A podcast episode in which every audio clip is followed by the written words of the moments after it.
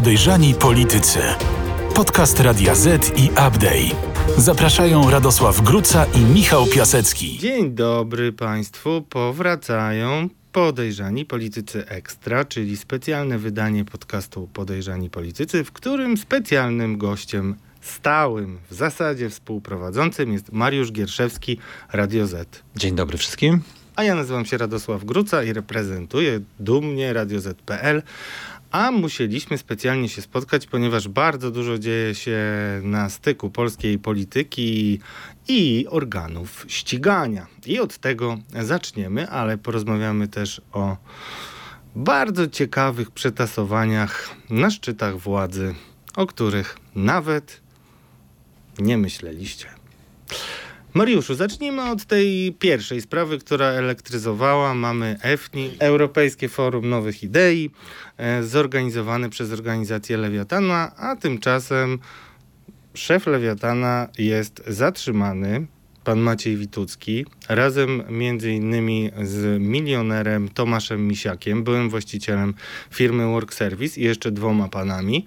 I No. byłym senatorem. I byłym senatorem Platformy Obywatelskiej, byłym wyrzuconym przez Tuska, w zasadzie wypchniętym, trzeba powiedzieć. To też był jeden z wątków, który mm, umyka często mediom, więc trzeba to podkreślać, bo oczywiście media prorządowe bardzo to eksponują. Że to jest... Eksponują raczej tylko to, że to był senator Platformy Obywatelskiej. No i co ty wiesz o tej sprawie? Bo wiemy wszyscy, że prokuratura no, poniosła sromotną klęskę. Mm, Re, prokuratura regionalna w Szczecinie chciała aresztować panów. E, Okazało się 5.12, bo już się kończył czas i sąd e, orzekł, że przede wszystkim nawet nie chce żadnych zabezpieczeń, czyli panowie nie będą musieli nawet się meldować na policji i generalnie to wskazuje na to, że jest mm, małe prawdopodobieństwo, że popełnili to przestępstwo. Jak to wygląda? Bo też e, zrelacjonuj, przed e, programem konsultowaliśmy się też z prokuratorami, co oni na ten temat myślą. No, prokuratorzy, z którymi rozmawialiśmy, stwierdzili, że zresztą użyli bardzo ciekawego, sformułowania na bezdowodziu. Zrobili to na bezdowodziu, czyli prokuratura nie miała wystarczających dowodów do tego, aby w ogóle podchodzić do tej sprawy, do, do tego zatrzymania, a potem do wniosku o areszt.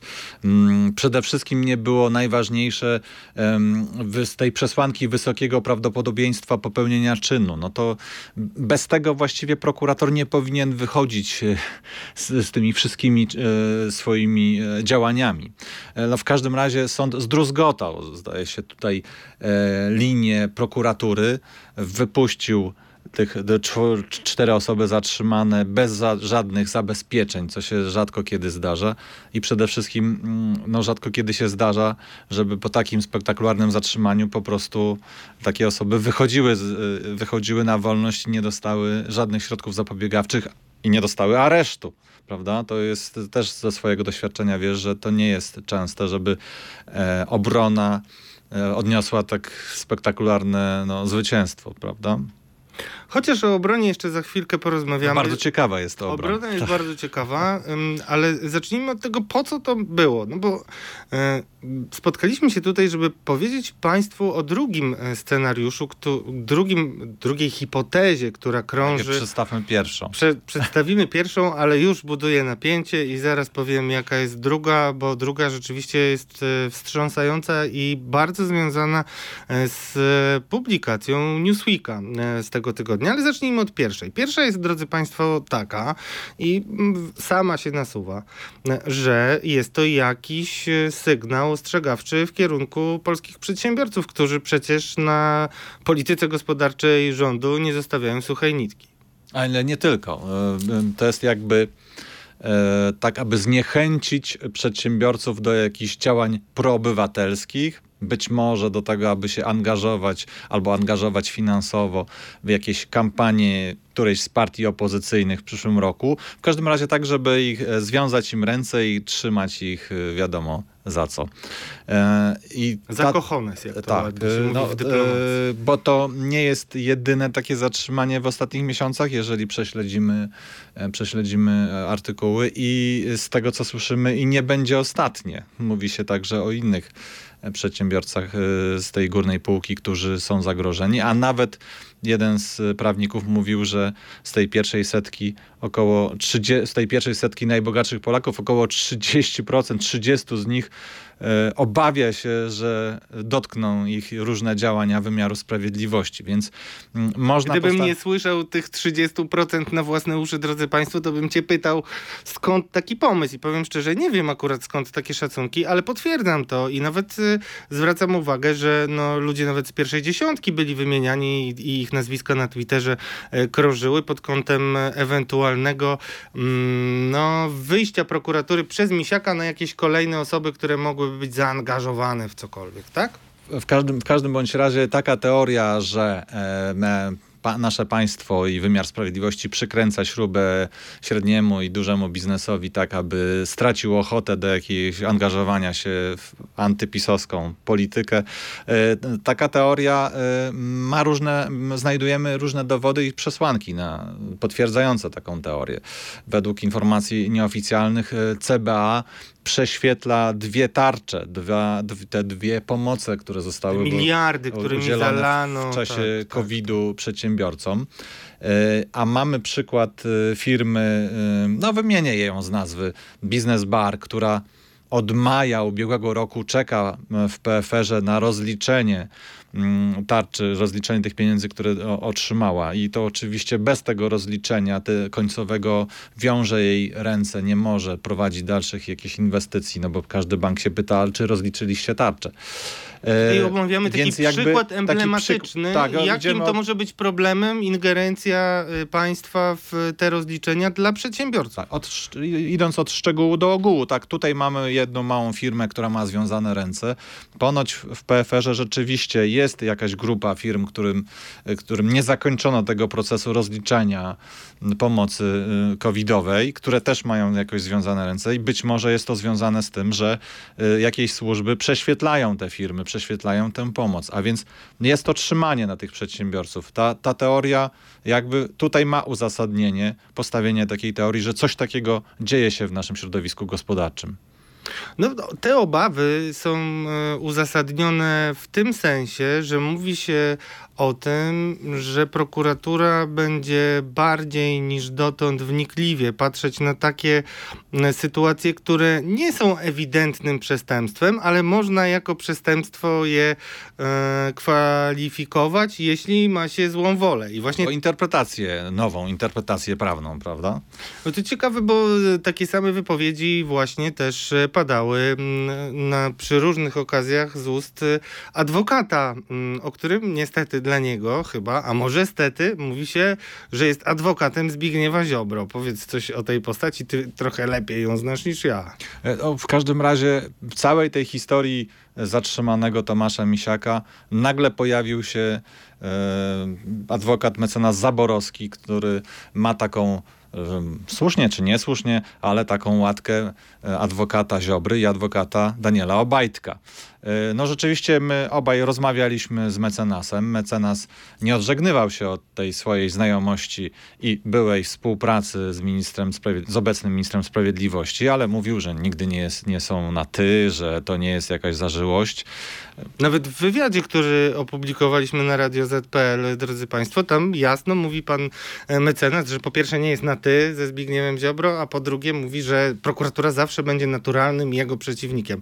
No trudno się nie zgodzić, ale jednak jeżeli się pracuje i dla m, wcześniej, dla ministra Ziobro i dla Daniela Obajtka, który też za chwilę wróci do naszym, w naszym programie, e, i dla e, szeregu polityków e, prawicy, mm, no to można mieć takie, mm, szczególnie się, jeśli jest się bardzo skutecznym, to można się narazić na zarzuty, że tutaj jakaś no, sympatyczność między mm, adwokatem, a no, nawet taki sygnał dla tych prowadzących śledztwo, tak, że to jest kolega ministra. No tak, to, to umówmy się, no jesteśmy tylko ludźmi i ulegamy szczególnie w okresie takim, a nie innym różnym presjom. Czy ty myślisz, że to jest e, możliwe? Bo dużo się o tym mówi na mieście, ale z drugiej strony, no drodzy państwo, jak ja wszedłem do siedziby e, pana Zaborowskiego, to aż mi oczy wychodziły z orbit. No tam po prostu widać, że to jest, e, no to jest jedna z większych kancelarii, w jakich ja byłem generalnie, jeśli chodzi o rozmach, jeśli chodzi o liczbę pracowników, którzy tam chodzą. No to widać, że prosperity dla e, pana mecenasa mm, jest świetne. No tak, to znaczy myśmy zapytali go o to, e, co pojawia się, e, tak jak powiedziałeś, na mieście, czy też pojawia się w mediach społecznościowych, czyli ta zbitka. Zbigniew Ziobro zatrzymuje, mecenas Zaborowski zwalnia, uwalnia aresztowanych, zatrzymanych i tak dalej, prawda?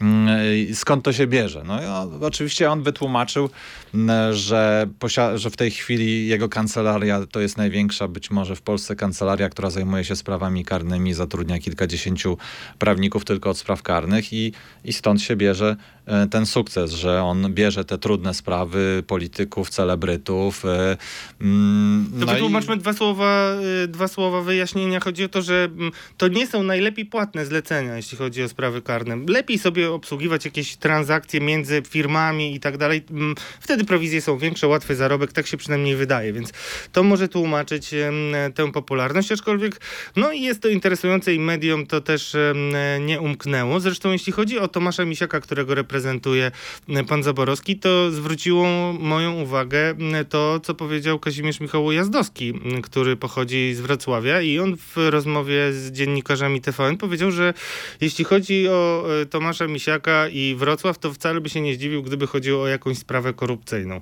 E, No, jest dużo pytań e, wokół tego i kwestia tego sygnału, tej zawoalowanej, ale jednak groźby mm, do przedsiębiorców, uważajcie, co mówicie, to jeden scenariusz, ale nie jest jedyny i warto przypomnieć, że Tomasz Misiak przejawiał się, szczególnie w śledztwach niektórych dziennikarzy, dotyczących afery taśmowej.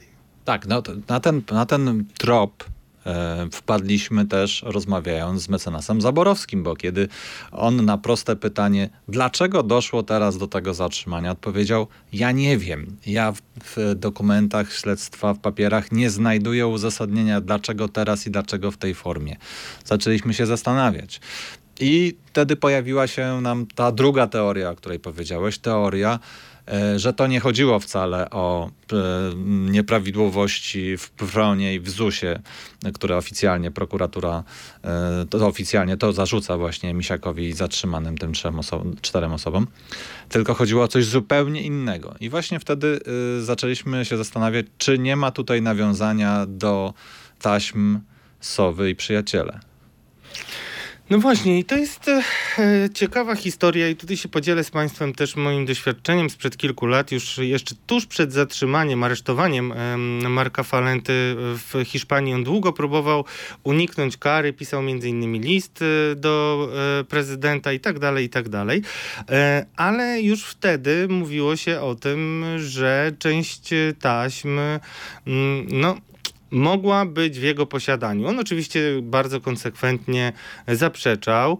Mm, Były różne przeszukania już e, u jego w domu, ale no, naj, najbardziej gorącą plotką na, razie jest to, że zatrzymano mu podobno też e, sprzęty, a tak jak słyszałem na korytarzach prokuratury, no nie był za bardzo ostrożny e, Tomasz Misiak. No, I tutaj to nas doprowadziło do tej drugiej teorii, w której zastanawiamy się, czy przypadkiem właśnie nie chodziło o to, aby w tej całej sprawie zatrzymania Misiaka nie chodziło o to, żeby wejść do niego do domu i sprawdzić, czy przypadkiem nie ma on jakichś taśm, które nigdy nie ujrzały światła dziennego, taśm nagranych e, w, sobie i przyjacioła, przyjaciołach. Na razie nie możemy powiedzieć tego na twardo, ale... Chociaż zapytaliśmy prokuraturę i czekamy na odpowiedzi i na pewno Państwu przekażemy, jeżeli takowe przyjdą. Natomiast e, no, korelacja jest o tyle istotna i w ogóle warto analizować e, ten e, scenariusz, który realizuje prokuratura pod tym kątem, że w poniedziałek pokazuje się materiał w Newsweeku. I co ty myślisz o tym materiale? Z materiału wynikają dwie rzeczy. Po pierwsze, że jest świadek, który zeznaje, że Marek Falenta twierdził, że sprzedał mm, e, materiały z Sowy mm, Rosjanom, ludziom ze służb rosyjskich, a druga rzecz to to, że prokuratura jakoś nie jest zainteresowana sprawdzeniem tego pod kątem jakiejś afery szpiegowskiej. E, po, po, pierwsze, to jestem zbulwersowany tym, że prokuratura nie podjęła tego wątku, podjęła wszystkie inne, a, a tego nie podjęła, chociaż to jest czarno na białym w tych zeznaniach. Ale muszę troszeczkę powiedzieć, że mm, inaczej. Cieszę się, że, że ten wątek rosyjski, który, o którym mówiliśmy przed laty, wtedy kiedy Sowa i przyjaciele ta afera wybuchła, ale mówiliśmy między sobą. Natomiast nigdy to się nie przebiło do, bardzo do mediów, że teraz ten wątek wraca i zaczyna, różni publicyści, dziennikarze zaczynają za tym chodzić i zastanawiać się, że ten wątek po tych rzeczywiście mm, nitek prowadzących tam za wschodnią granicę, tam jest za dużo, żeby to był przypadek.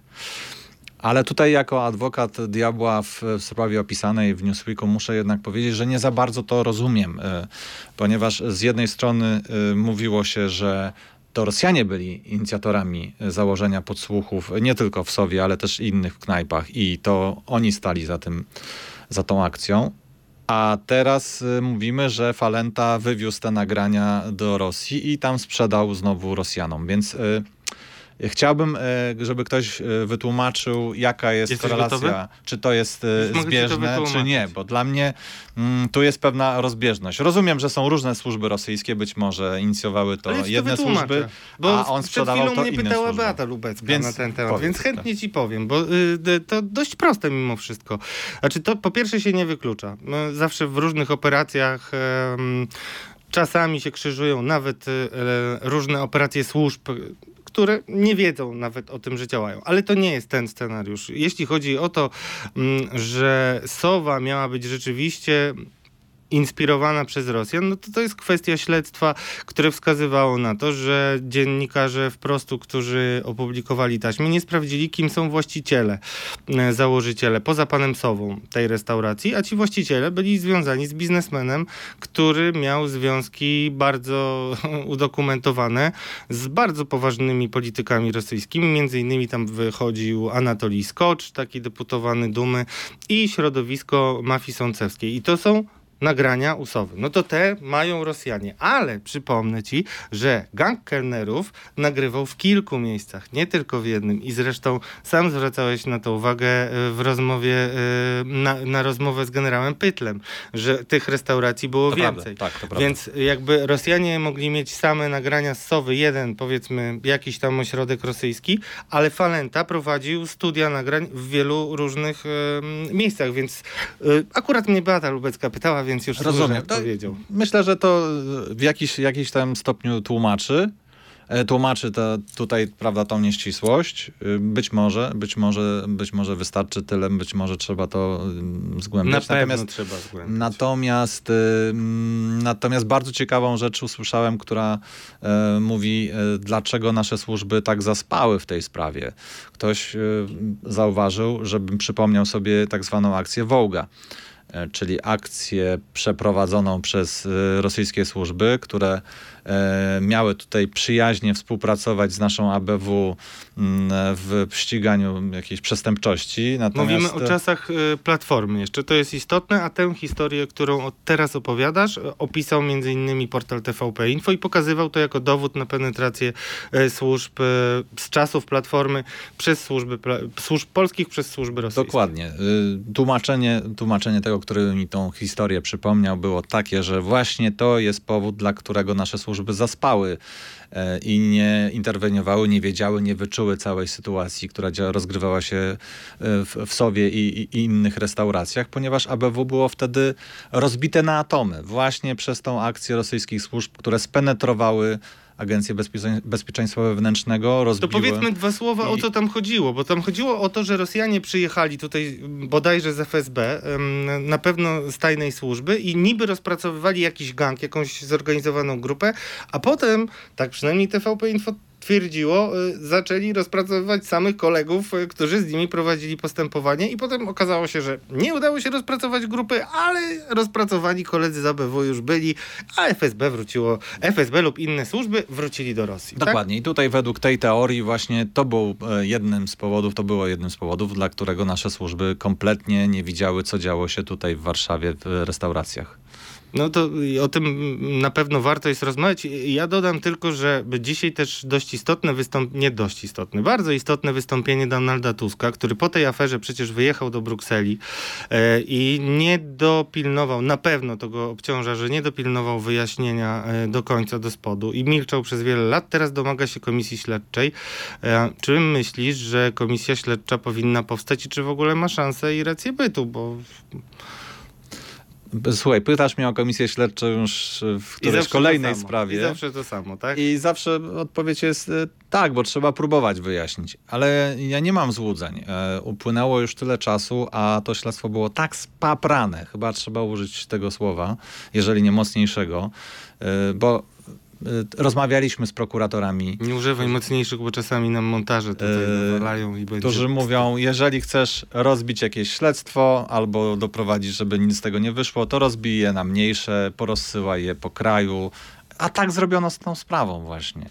To ja jedną rzecz jeszcze chciałem koniecznie Państwu powiedzieć, bo bardzo dziękujemy, że tak e, licznie oglądacie nasze specjalne wydania.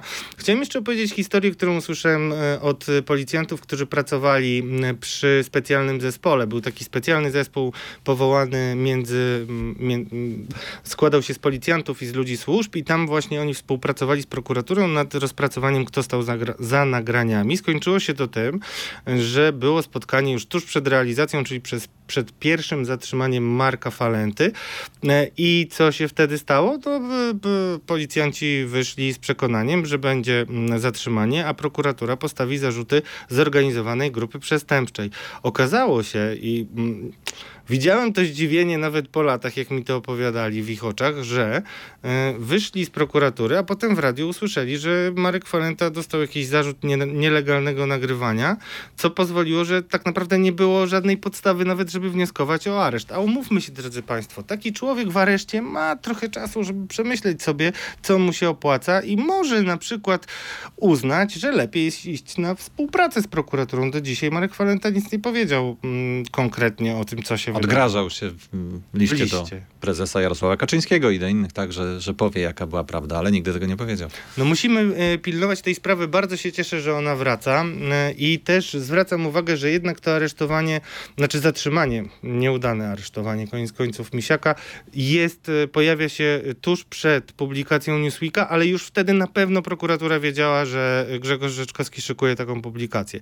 Co więcej, drodzy Państwo, z moich informacji wynika, że Tomasz Misiak Misiak był obserwowany przynajmniej od e, kwietnia tego roku, czyli to jest pół roku mniej więcej e, działań operacyjnych. Prokuratorzy mm, i służby mogły patrzeć na to, kiedy Tomasz Misiak będzie miał słabszy moment i wtedy go capnąć, tak, żeby coś znaleźć. To niestety wymaga dyskusji, czy prokuratura powinna się tak zachowywać, bo wydaje się, że to tak czasami idą na pospolite ruszenie. A nóż, może się coś nam znajdzie, jakiś dokument mu wypadnie z szafy. Myślisz, że, że te poszukiwania mogły też mieć taki walor też swojego doświadczenia, na przykład u senatora Gawłowskiego się znalazły takie dokumenty, które potem pomogły. Jak ty to w ogóle oceniasz, jeśli chodzi o podejście prokuratury? Nie, no jest to karygodne podejście prokuratury, niemniej skuteczne. Skuteczne, znaczy ja bym, ja bym powiedział, że nie jest karygodne, gdyby wszystkim tak wjeżdżali, tak? Czyli Danielowi Obajtkowi, yy, panie Daniel, proszę się nie gniewać, to A przypadkowo. Jest, jest za co? No nie, absolutnie nie ma za co, wiemy, że nie ma za co i może to jest właśnie dobry moment, żebyśmy o Danielu Obajtku porozmawiali, bo ty jako naczelny orlenolog w Radio Y, y, przynosisz bardzo ciekawe informacje, mm, które wielu z Państwa zaskoczą. Co tam słychać y, w tym duecie Daniel Obajtek i Mateusz Morawiecki? Podobno się panowie pogodzili, zbliżyli i co? Jest rozwód. Rozwód. A, doszło do Czyli mezalians był. No. Przetasowania. Tak jak e, ostatnio opowiadaliśmy o tym, że Daniel Obajtek zawarł sojusz e, z premierem Morawieckim przeciwko Jackowi Sasinowi, tak teraz najnowsze informacje, te z, oczywiście zakolisowe, mówią o tym, że e, Daniel czy towarzystwo, otoczenie Daniela Obajtka zostało złapane na tym, że próbowało skłócić Sasina z Morawieckim, że jątrzyło w sprawie na przykład budowy elektrowni atomowej w tym temacie, że to właśnie ludzie skupieni tam gdzieś w okolicach Daniela Obajtka są odpowiedzialni za to,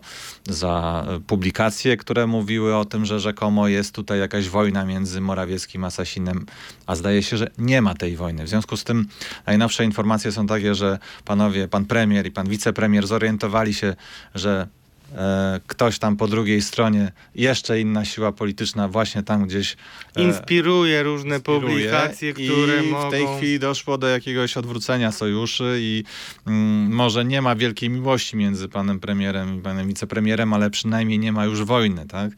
Y, Widzą, że jest jakiś y, wróg zewnętrzny, który próbuje ich tutaj właśnie pokłócić. I Nie to jest, to jest takie odwrócenie się sojuszy, które nastąpiło całkiem niedawno. Ale to zreka- zrekapitulujmy to, bo to jest dość istotne i też e, wracam do samej postaci Daniela Obajtka. Popatrz, jaki to jest zawodnik. On e, jest prezesem jednego z największych koncernów paliwowych w środkowej Europie. E, Dysponuje miliardami od tak. Jeśli chodzi o telewizję, to może sobie wyjąć na przykład dyrektora Bortkiewicza, uczynić go szefem e, Orlen Pressu, jak to się mówi, czyli Polska Press kupiona No to myślę, że Orlen. to jest jakieś może zbliżenie do Jacka Kurskiego. No właśnie, no, na pewno Jacek Kurski ma ciągle wpływy w TVP, czy to się podoba y, ludziom mu niechętnym, czy nie. Y, ma też ludzi ze służb. Ma tam taką tak naprawdę specjalną komórkę y, pan szef jego ochrony, pan Lasek. Zawiaduje różnymi ludźmi, którzy tam przychodzą ze służb i pracują, żeby chronić prezesa. Mam nadzieję, że też prezesa jako szefa Orlenu, a nie tylko jego osobiście, no to wydaje się, że to tak naprawdę mamy jakiś osobny ośrodek władzy, bo polityczne ambicje, no gdzieś tam zawsze Danielowi y, Obajtkowi wychodzą z oczu. Prezes Obajtek na pewno zgromadził pewną familię polityków PiSu. No bo wiadomo, że Swoją familię to sprowadził tam wszędzie, rozprowadził. wiadomo, że ma duże pieniądze, może e, dać Dysponuje dużymi pieniędzmi, bo jest skromnym prezesem z mniejszym niż wszystkie... oczywiście, oczywiście. Tak, E, ale jest w stanie dać mm, pracę gdzieś tam w regionie, e, rodzinie kogoś i wtedy zbudować jakoś tą przychylność. No w każdym razie jest pewna grupa polityków PiSu, która gdzieś tam wokoło niego krąży. I myślę, że te, e, mówiliśmy o tym już kiedyś, że ma, miał aspiracje premierowskie. Myślę, że to nadal chodzi mu po głowie. Ma też taką paranoję, że ciągle jest śledzony, podsłuchiwany i stąd te środki bezpieczeństwa są szalenie istotne e, dla niego. E, myślę, że kiedyś jeszcze wokół tego będzie duże Ale nie udało mu zamieszanie. się zachować w tajemnicy maili. Prawda, No właśnie. które właśnie wypływają. Więc Właśnie, to, to, to, nie jest bardzo, to jest To bardzo... niedobrze, do, niedobrze świadczy o jego ochronie. No właśnie, ciekawe, kto tam stracił e, stanowisko, bo wydaje się to mm, chyba naturalne, jak ktoś cię nie dopilnuje e, takiej rzeczy, no to powinna być wielka awantura. Coś jest cicho o tym. E, Będziemy na pewno do tych wszystkich wątków wracać. Myślę, że tajemnica afery taśmowej mm, zostanie tajemnicą, ale te wątki, które zostały ujawnione, powinny być dalej kontynuowane. I ja pamiętam, że miałem cię jeszcze spytać o jakiś teleturniej. Tak mi się przypomniało. Teleturniej, tak. No tak, bo ty mówiłeś e, i w ogóle odebrałem jakieś masę telefonów i, i nie wiem, co ja mam powiedzieć, bo to także skieruję do ciebie. Mówiłeś o tym, e, e, że jakiś pan Marcin się gdzieś pojawia w różnych miejscach i powołuje się na wpływy i generalnie, no tak pomyślałem sobie, że może jak w kole fortuny jakąś chociaż samogłoskę podasz o panu Marcinie, czy myślę, coś? myślę, że możemy ujawnić y, literkę z nazwiska G. G. Pan Marcin G. To trzeci Nie. pan G, który tutaj się pojawia, w tym y, między Gierszewskim a Grucą. Ale jego tu ale nie to nie nie my, to zapraszamy. nie my, bo my nie Marcin, nie, Nie, nie. nie, nie. nie. Ale możemy jeszcze tylko powiedzieć, że on ma taki, taki pseudonim, y, że jest zaginionym kuzynem prezesa, ponieważ on chodząc na tych, e, na tych spotkaniach, spotykając się z no, wierchuszką Prawa i Sprawiedliwości, z czołowymi politykami, przedstawiał się, że jest właśnie kuzynem prezesa, o którym e, nikt do tej pory nie słyszał. Mm, No ale zdaje się... ale tak, tak po prostu narympał, rozumiem, E, tak? Zdaje się, że tak i zdaje się, że załatwiał jakieś różnego rodzaju interesy i e, gromadzą się nad nim tej, w tej chwili czarne chmury, ciemne chmury, e, a będziemy dalej e, o nim informować. Myślę, że ten serial jeszcze będzie trwał. Mało tego, drodzy Państwo, to jest dobry też asumpt do tego, żeby zapowiedzieć serię, moim zdaniem, która się rozpocznie między innymi z Marcinem G., bo ja słyszałem o większej ilości tego typu a to kuzynów, a to czyichś tam kochanków, a to y, nie wiem, y, kuzynów y, przyjaciół królika. Był na przykład taki pan Tomek jeszcze. To jest taka anegdota, słuchajcie, w którą ja nie wierzę, ale opowiem, bo ona pokazuje, mm, pokazuje no, jaki jest stan ducha i mm, no, poczucie chyba braku bezpieczeństwa ze strony PiSu. Jeżeli ja usłyszę od polityków PiSu takie historie, słyszałem, że jest pan Tomasz, który przyjeżdżał e, bardzo taką ekskluzywną limuzyną na różne spotkania e, PiSu i w takim tłumie po prostu każdy myślał, że on jest kimś ważnym, więc nikt nie pytał, co on tutaj w ogóle robi, a potem pan dostaje zarzuty. Powiedzmy, że to jest historia tylko, którą sobie ktoś przy piwie tam nie, nie dosłyszał coś, ale jak, jak ty widzisz w ogóle bezpieczeństwo polityków? Bo to, to pokazuje, że my jesteśmy kompletnie bezbronni, tak? Że nawet prezes Orlenu, który może sobie kupić najlepszych ludzi od bezpieczeństwa, nawet e, no, ministrowie naszego rządu, którzy już pal licho, że są po prostu, że, że to było skrajną głupotą e, porozumiewać się przez maile e, prywatne, ale widać, że tutaj, gdzie jest kontrwywiad? Widziałeś takiego Nie, nie, stworka? Nigdy o nim nie słyszałem. No, nie ma aby działał, aby i przynosił jakiś. Co prawda, zawsze powinien, powinno być o nim cicho, ale u nas jest tak cicho, jakby w ogóle go nie było. No właśnie, i pff, drodzy Państwo, no cóż, dlatego musimy mm, brać sprawę w swoje ręce. Mariusz Gierszewski, dziennikarz śledczy Radio Z, Radosław Gruca. Radio Z.pl. Będziemy pilnować służb, polityków i będziemy podejrzewać najgorsze, jeśli to udowodnimy. Na pewno to napiszemy. Podejrzani politycy. Podcast polityczny przygotowywany przez dziennikarzy Radia Z i aplikacji newsowej Update.